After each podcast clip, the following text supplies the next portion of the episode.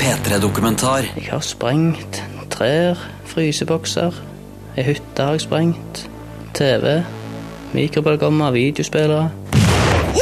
Hellig dritt! Den var bra. Den var det saftig. P3. Ja, det er herlige følelse. Etter du har satt av en skikkelig salve. Ta en kopp med kaffe etterpå og slappe av litt. Det er sånn god ro som kommer i kroppen. Det er det. Det er helt enormt. Adrenalinet er jo så høyt at det halve kunne vært nok. Jeg vet ikke om noe kjekkere. P3. Norske bomber, en P3-dokumentar om hjemmelaga sprengstoff. Jeg heter Ludvig Løkholm Levin.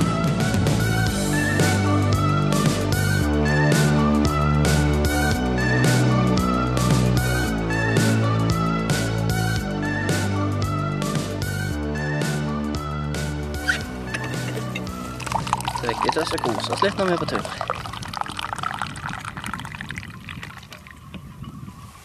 Det er jo ikke bare det som sprenger, det å sprenge så kjekt. Det er jo hele opplevelsen, hele turen, egentlig. Dette er friluftsliv. De luxe.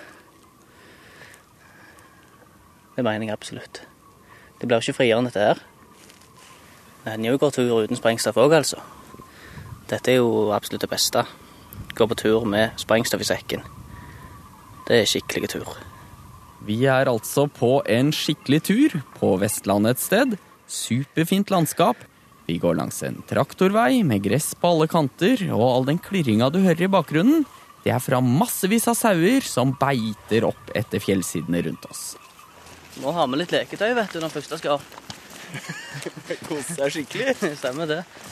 Han vi går sammen med, har en stor sekk på ryggen, et spett i den ene hånda og en kraftig metallkoffert i den andre. Over skulderen har han en halvautomatisk rifle med kikkertsikte og lyddemper. Greit.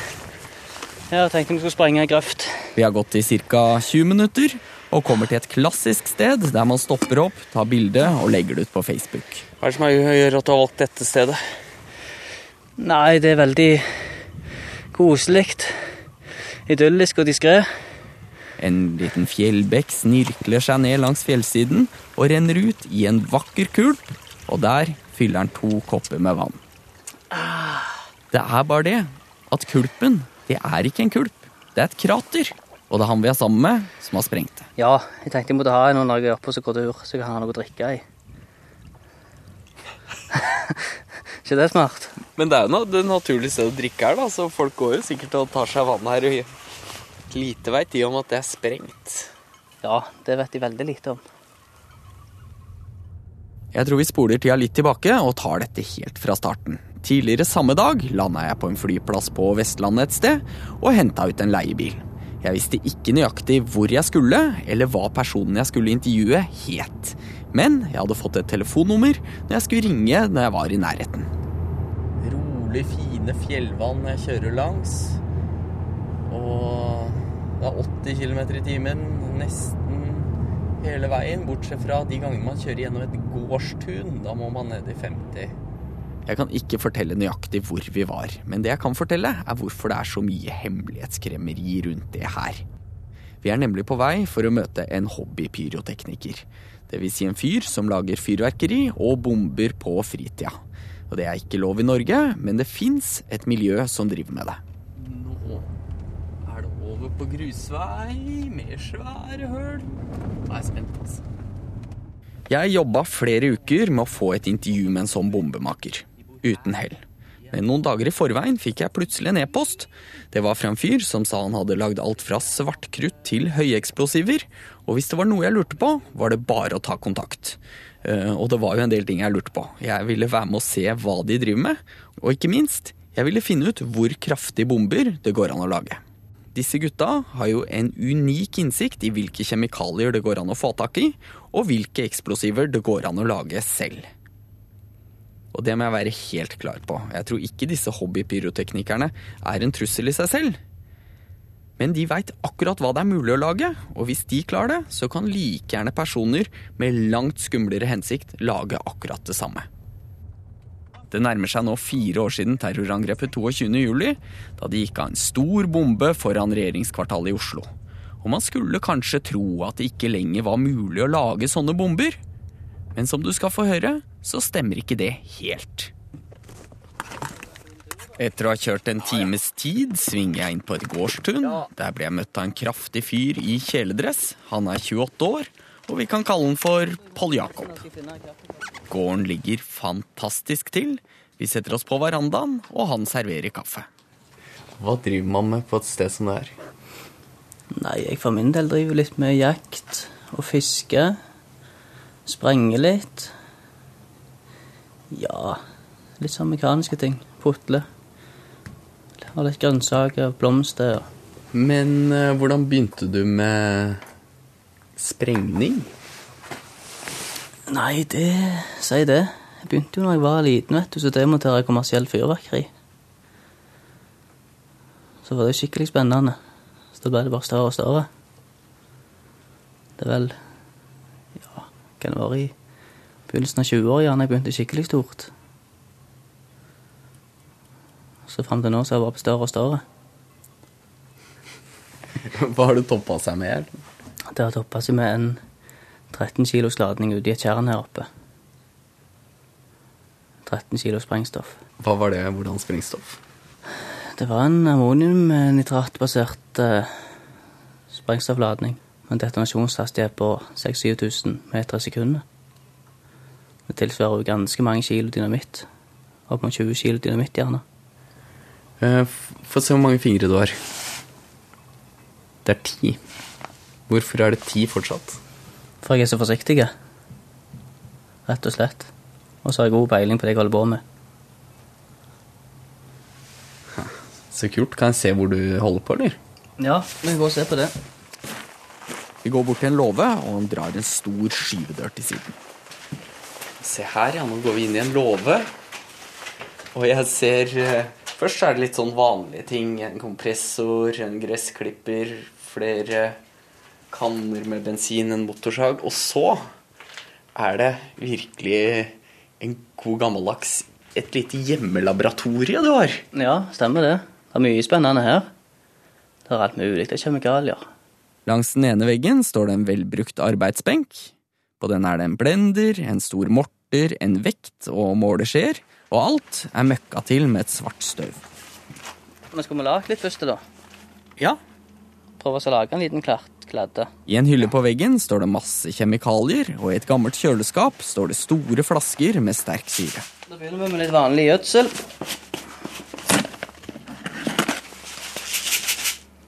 De er prils der, ser du. ja. Som pellets av eh, Ser ut som små kuler av noe hvitt. Ja, Sånn som inni saccosekker, bare at litt tyngre. stemmer det. Så da tar vi der til blenderen der.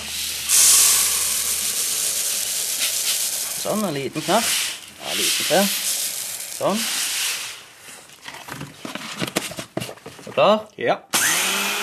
Og så setter han i gang, og du kommer ikke til å få noe oppskrift på hvordan han lager dette sprengstoffet. Men det tar ikke spesielt lang tid, og mens han trikser og mikser og blander i bakgrunnen, så kan jo vi snakke litt om det viktigste, altså kunstgjødselet. Det er hovedingrediensen i de fleste store hjemmelagde bomber. Det var det som ble brukt i Oklahoma da en terrorist drepte 168 personer i 1995. Og det var det som ble brukt da det smalt foran den amerikanske ambassaden i Nairobi og Dar es Salaam i 1998. Hundrevis av mennesker ble drept. Og i tillegg til det var det hovedingrediensen i Behring Breivik sin bombe ved regjeringskvartalet 22. juli. Det er ekstremt nøyaktig. Det går på gram her. Ja, det gjør det. I hvert fall når det er sånne småting. Hva skjer hvis det er for mye? Ja, Da detonerer det ikke. Sånn. Ferdig sprengstoff. Det tok tre minutter, det. Det er ikke verst. Nei. Vi har med det 600 gram, ja. Men jeg har juksa litt, med litt ekstra òg i sekken. Han slenger ryggsekken på ryggen, rifla over skulderen, og vi setter kursen mot fjellet. Og det er dette han elsker, men den siste tida har han nesten måttet slutte helt. Etter jeg var nede og snakket med de nede på kontoret der, så har jeg blitt veldig lite aktiv. Ja, hva er det for noe? Hva var det? Nei, Jeg ble tatt inn til, politiet der. Det var litt avhør. Å ja. De hadde funnet videoene mine på YouTube og sånn. Hva var det av, da? Det var sprenging. Men Hva skjedde da? Nei, det har ikke skjedd noe ennå. Jeg bare var der inne og snakket litt med ei dame der. Men veit du om noen andre som er tatt, hva du kan vente deg på en måte, eller? Nei. Jeg vet ikke om noen. Nå nærmer vi oss en exploding target. Jeg tenkte jeg skulle ha en ladning oppå den stolpen der. Å ja. Så kan vi ligge her og skyte på han. OK, da setter vi oss ned her. Og så prefabrikkerer vi litt sprengstoff.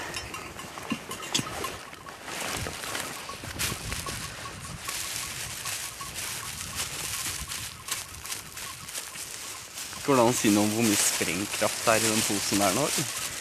Denne posen her, ja. Det er like mye som jeg sprengte den hytta med. Ok. Så det er veldig, veldig mye sprengkraft i det lille der. Et kilo av det stoffet der utvikler 1000 liter gass når det eksploderer. Det er ganske mye. Så hvis du har 1000 kilo, da, hvor mye blir gass blir det? 1000 ganger 1000, en million liter gass. Å, helsike.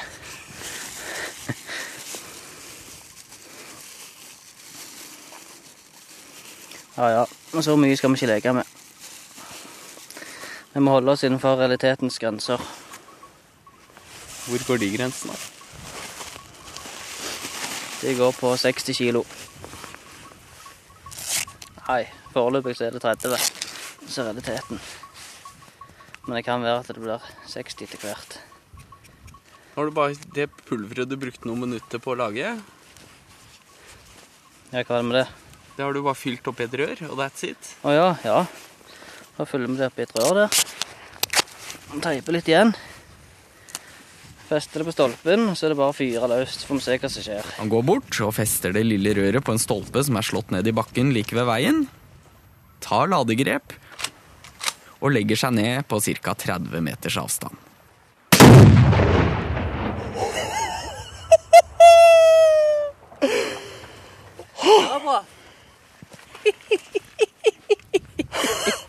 Altså, åh, Det hadde gjort seg på TV òg, dette her.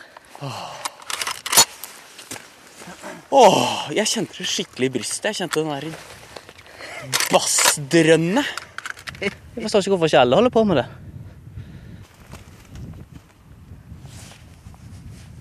De 100 grammene der kan sprenge mye, de. Ja. Så dette driver du med? Ja, ja, ja, men det er bare en forsmak på det der i vente. Skal vi se, skal vi bevege oss videre opp nå, da, eller så ta en litt større? Ja. Det er du som er sjefen her. Ok. Nå må vi nesten unne oss å høre selve klimakset en gang til.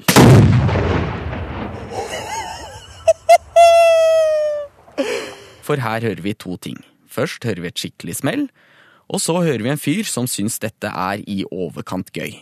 Og det kan jeg fortelle med en gang. Jeg har vært en sånn gutt som plukka ut kruttet fra fyrverkeri for å lage et større smell. Og da jeg hørte det drønnet, blei jeg minnet på hvor gøy jeg syntes det var. Jeg tror det er adrenalinet man føler etter smellet som gjør at Pål Jakob og de andre har denne hobbyen. Men så er det jo et skummelt bakteppe her som vi ikke kan se bort fra. Kan terrorister lage det samme?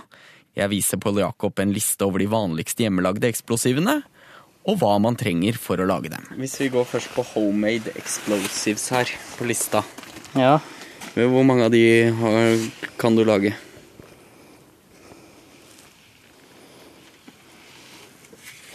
Jeg kan lage alle. Av de kjemikaliene som er liksom det her nedover der, da. Hvor mange av de har du?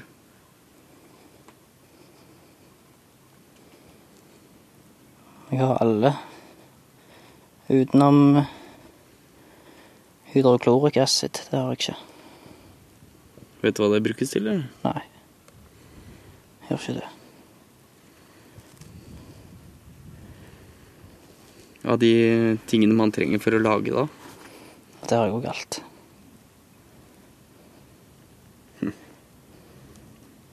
Det er heftig. Nifst tenker jeg over. Nå, hvis jeg kommer i hen nå, så kan det være nifst. Hvor mange av disse tingene her hadde du hatt trøbbel med å få tak i nå?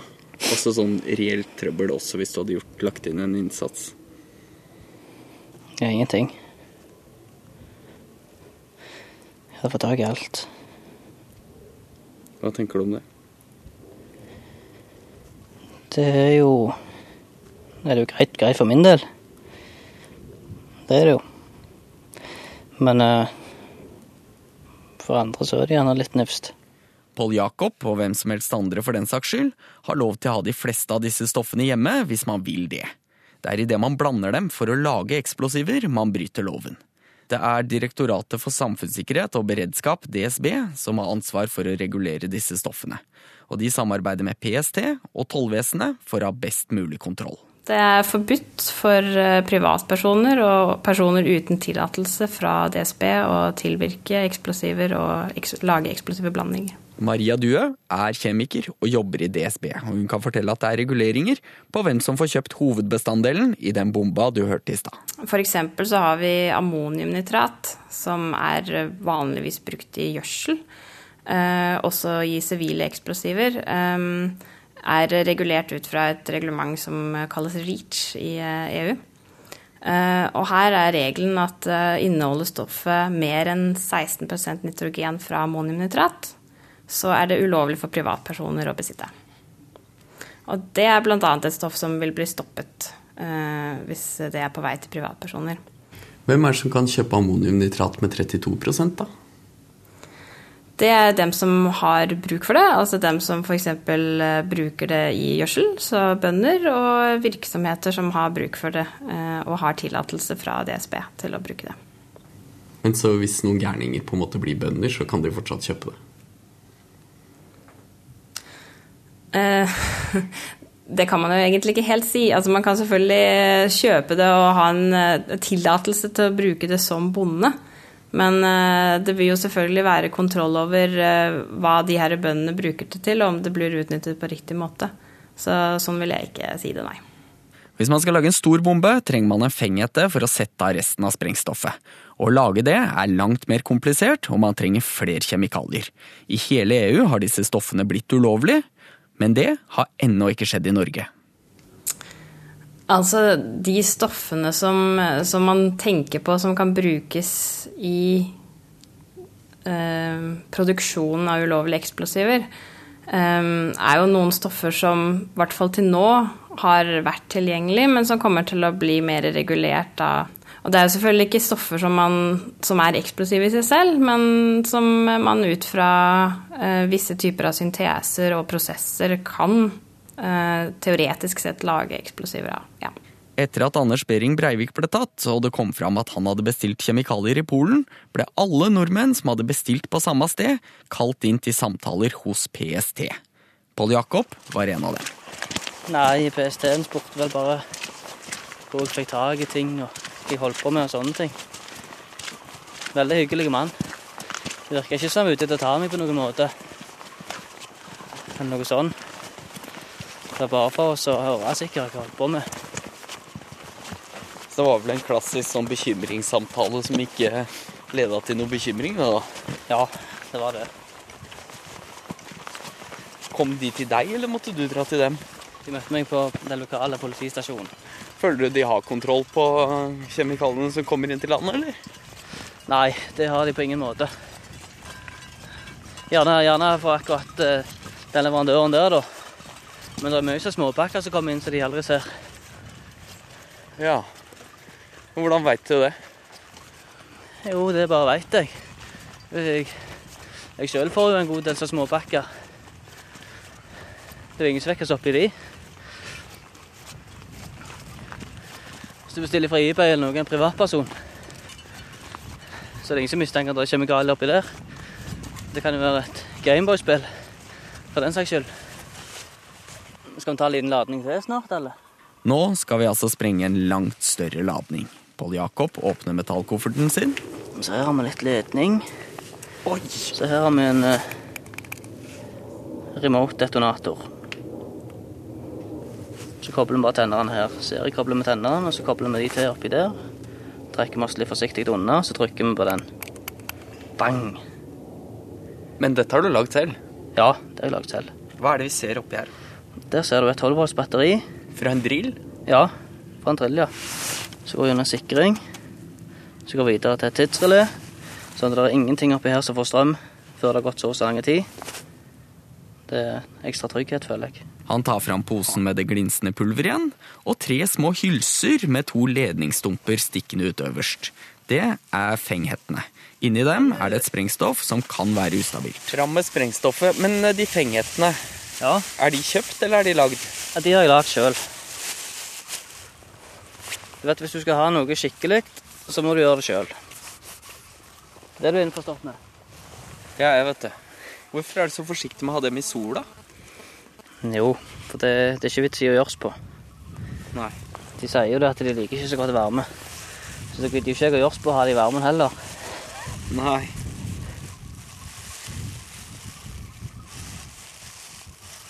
Nei, jeg prøver å være så forsiktig som mulig. Ja, det. Det er ikke vits i å utfordre skjebnen så veldig mye. Det gjør vi jo nok allerede. Og her må jeg bare si, folkens, aldri lag dette stoffet. Det kan være farlig for deg og andre. Da Maria fra DSB hørte at det var det han brukte, fikk hun en alvorlig mine i ansiktet. Det er jo et ekstremt følsomt eksplosiv. Um, det, er et, eh, det er et eksplosiv som har vært kjent i, i lang tid. Um, men det er jo noe som ikke har blitt brukt eh, i sivil sektor eller i militære eksplosiver, nettopp fordi det er så ustabilt. Um, det er jo et eksplosiv som kan gå av bare ved friksjon eller eh, høye temperaturer. Um, så f.eks. hvis du har det i en beholder og åpner eh, beholderen, så kan det være friksjon nok til at det kan gå av i selv veldig små mengder. Ville det blitt et skikkelig smell? Det har jeg ikke lyst til å ta på. Nei. Ok. Men vi kan være enige om at det er farlig? Vi kan bli enige om at det er farlig, og det er ikke noe som privatpersoner burde lage overhodet. Kan det gå hvis man tar på det, liksom? Eller skrur av lokket, liksom? Altså, nå nevnte jeg at det kan gå over friksjon og ved temperaturendringer. Um, så det sier jo seg selv at det, ja, det kan det. Det var først da jeg kom hjem jeg skjønte hvor farlig dette stoffet kan være hvis det er laga feil. Det har blitt brukt til terror mange ganger, og blir av enkelte terrororganisasjoner kalt for Satans mor. Og grunnen til det er at det har en tendens til å gå i lufta lenge før bomben har blitt plassert der den skal være. Det har også tatt liv i Norge. I 2005 er fem ungdommer samla i en leilighet på Grorud i Oslo. En 17-åring går ut på balkongen for å sette en trekork i enden av et metallrør som er fylt med dette stoffet. Han ber sin to år eldre bror komme ut for å hjelpe han. Bomba eksploderer. Den yngste dør momentant av en splint som borer seg inn i hjertet hans. Den eldste overlever, men han mister begge beina og en arm. Sånn. Så tar vi en tenner. Vi skal ikke ta i dem til sist, i og med at de kan være eh, ustabile. Uh, nei. Vi tar de med en gang. Ok. Dør vi hvis det går an nå? Ja, det gjør vi. Så vi håper jo at det ikke gjør det, da. Fy faen, jeg blir nervøs, jeg. Hvordan da? Nei, men det de, de kan jo gå av statisk elektrisitet og alt det der. Ja, det kan det. Det er viktig med litt spenning i hverdagen, vet du. Sier den og legger det i skyggen. Nei, det, den ligger i sola. Det er sol der. Ja, det var ikke meninga. Merka du at jeg blei redd nå, eller? Nei. Men altså, hvordan stoler du på altså, En eller annen fyr på internett har lært deg dette her, og så dør du hvis det er feil? Ja, men det gjelder å begynne i det små, vet du. Og så må du eksperimentere og forske mye på det. Når det er ferdig, så må du ta tester. Jeg har noe som kalles for hammertesten. Mm. Hammer på tregulvtesten. Og hvis det passerer hammer på tregulvtesten, så er det grei skuring, altså. Det vil si at det ikke går an når du slår på det? Ja. Jeg kan slå så hardt jeg vil på det opp på tregulv, da. Men så fort jeg får metallunderlag, da smeller det jo med hammer. Altså, det som er problematikken her, er jo at det er mennesker som ikke er utdannet til å lage ting. Eh, Så det som er med syntese av stoffer generelt, også ting som ikke er eh, direkte farlige eller eksplosive, det er jo at når mennesker som ikke har bakgrunnsviten nok, så vet man jo ikke om det man lager er det riktige stoffet. Eller om det er urenheter, eller om det er ting som ikke skal være til stede, som kan endre på egenskapene. Så eh, hvis det er bakgrunnen hans for at tingene ikke er farlige, så er det et veldig dårlig grunnlag å legge det på. Jeg tok alt slags tester. Varmetester, flammetester, oppvaringstester, friksjonstest. Jeg tok alt. Men det er jo ikke noen garanti for at det ikke kan gå galt, det, altså. Men, men fram til nå så har det gått greit, da. Vi har jo Nei, du, jeg blir nervøs. Vi må snakke mer om dette etter vi har fyrt av disse. OK. Nå dør vi hvis det går bra. Ja, det gjør vi faktisk. Hvis den her går av nå, da ligger vi veldig dårlig an. Denne gangen har Pål Jakob fylt opp tre langt større rør med eksplosiver, og han gjør klart til sprengning. Jeg som håper, på, håper jo på at det virker på første forsøket. Men nå er jo jeg bare en amatør. Jeg er jo ikke ekspert. Nei. Så det er jo klart det at det kan jo kreve noen ganger av og til. Hvis du ikke vil ha noe drit på den der sekken din og sånne ting, så tror jeg jeg ville tatt det opp på toppen der. Å ja vel. For nå kommer det til å sprute skikkelig. Forhåpentligvis. Med spettet lager han tre hull og setter ett rør med sprengstoff i hvert. Og jeg, jeg blir enda mer nervøs. Nå går det ett minutt, så blir det armert. Ok. Ok. Og det går av seg sjæl. Ja. Og før jeg veit ordet av det, er det i gang. Vi løper oppover lia. Opp her, ja. Såpass. Jeg aner jo ikke hvor vi skal gjemme oss, så jeg holder meg tett inntil han. Nå kan det jo naturligvis komme splinter, men det er vel liten sjanse. Nei. Det er ganske stor sjanse. Ganske stor sjanse. Ja. Det er masse stein over der. Å ja. Så da gjemmer vi oss bak en busk. Ja. Det får være bra nok sikkerhetsavstand, dette her. Nå er vi på 100 meter. Men hvorfor løper vi nå? Nei, Vi løp vel som bare gikk fort. For vi gleder oss sånn. Ok. Jeg er klar. Å, hellig dritt! Å, fytti! Så du den? Å, det var Det var helt enormt. Den smalt jo bra. Den smalt jo helt sinnssykt. La meg ned og se om det er noe fin grøft av dette her. Ja, det må vi. Det ble bra, den. Jeg blei jo livredd. Jeg hadde trodd du liksom skulle dvele litt før du trykka på den knappen. Ja. Men du bare gønna løs, du. ja. Jo, dette er så gevinsten etter alt arbeidet, vet du. Ja. Vi lager dette driten og graver det ned og kobler. Og så er gevinsten å trykke på den knappen her. Får vi gå ned og se? Det kan vi gjøre. Men hva, hvordan følelse, hvis du skal prøve å beskrive den følelsen det er å trykke på knappen, da? Det er helt enormt. Adrenalin er jo så høyt at det halve kunne vært nok. Og det, det blir en sånn stor gledesrus. Jeg tror det er bedre enn alt annet. Jeg tror det. Det er det kjekkeste jeg vet. Jeg vet ikke om noe kjekkere, jeg. Og det var mye kraft. Helt enormt. Og dette ser jo helt kjempeflott ut. Har bare smelt opp tre digre kratre som jeg får plass inn i verda di. Stemmer det. Oi. Og her er det bare et høl dypt, dypt, dypt nedi myra. Der nede. Det er mye kraft. Hvor dypt ned satt du dem, da? Og se, nå ryker det opp. Jeg satte i 20 cm ned. Da har vi en grøft. Veldig bra. Oppi der kan du drikke neste gang du kommer opp. Ja. Bra du tenker på turgåerne her. Ja, det er det. Må tenke på alle. Ikke bare tenke på sjøl. Så er det bare å sette seg, ta seg en kopp kaffe og kjenne litt på følelsene. Vi er jo tross alt på det Pål Jakob kaller en skikkelig tur. Nå merker jeg at nå begynner liksom adrenalinet å roe seg litt ned. Ja, det er herlige følelse. Etter du har satt av en skikkelig salve. Ta en kopp med kaffe etterpå og slappe av litt. Det er sånn god ro som kommer i kroppen. Det er det. Og så kan vi vende nesa hjem og prise oss lykkelig for at Pål Jakob ikke er terrorist. Det er bra du er en eh, game og real fyr, da. Ja, det er akkurat det. Hvis ikke så kunne jeg vært farlig.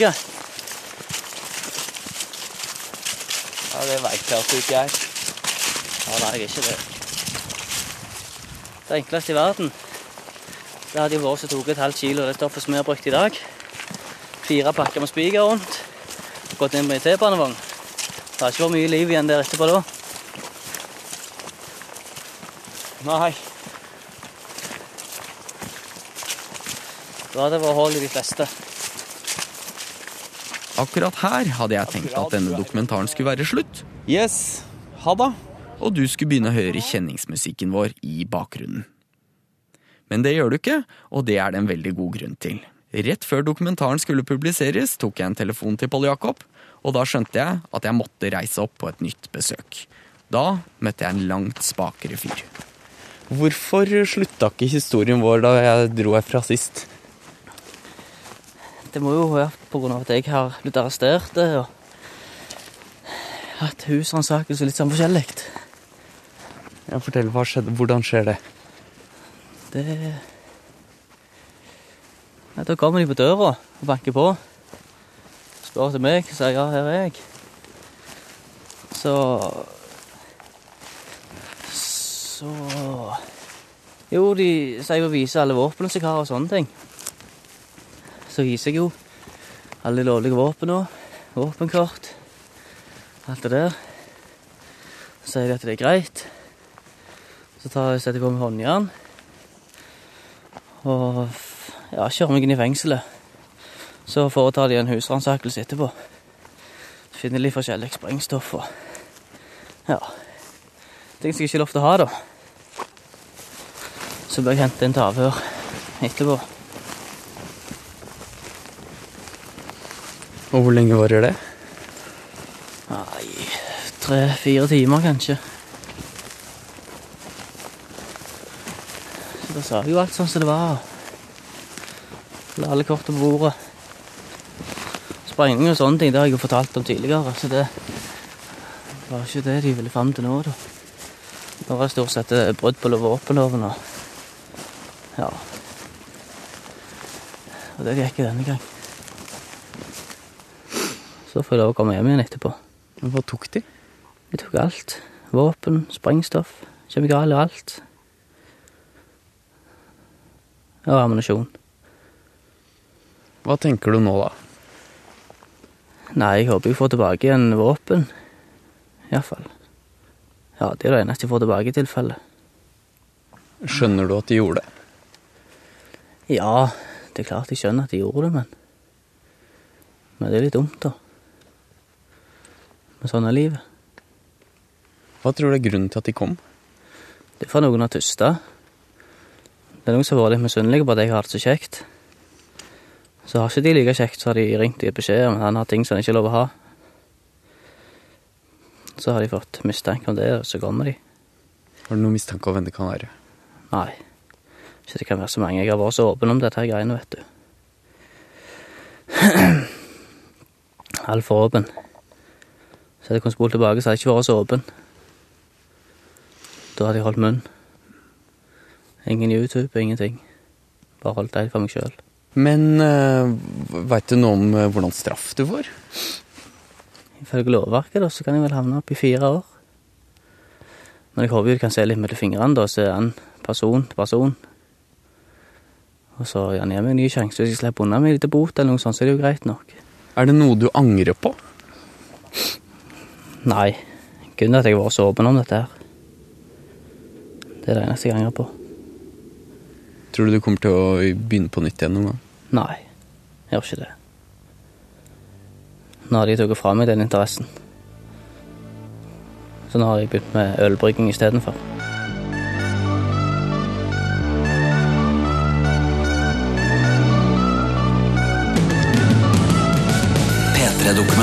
Søndag klokka ni på P3 og når du vil på p3.no.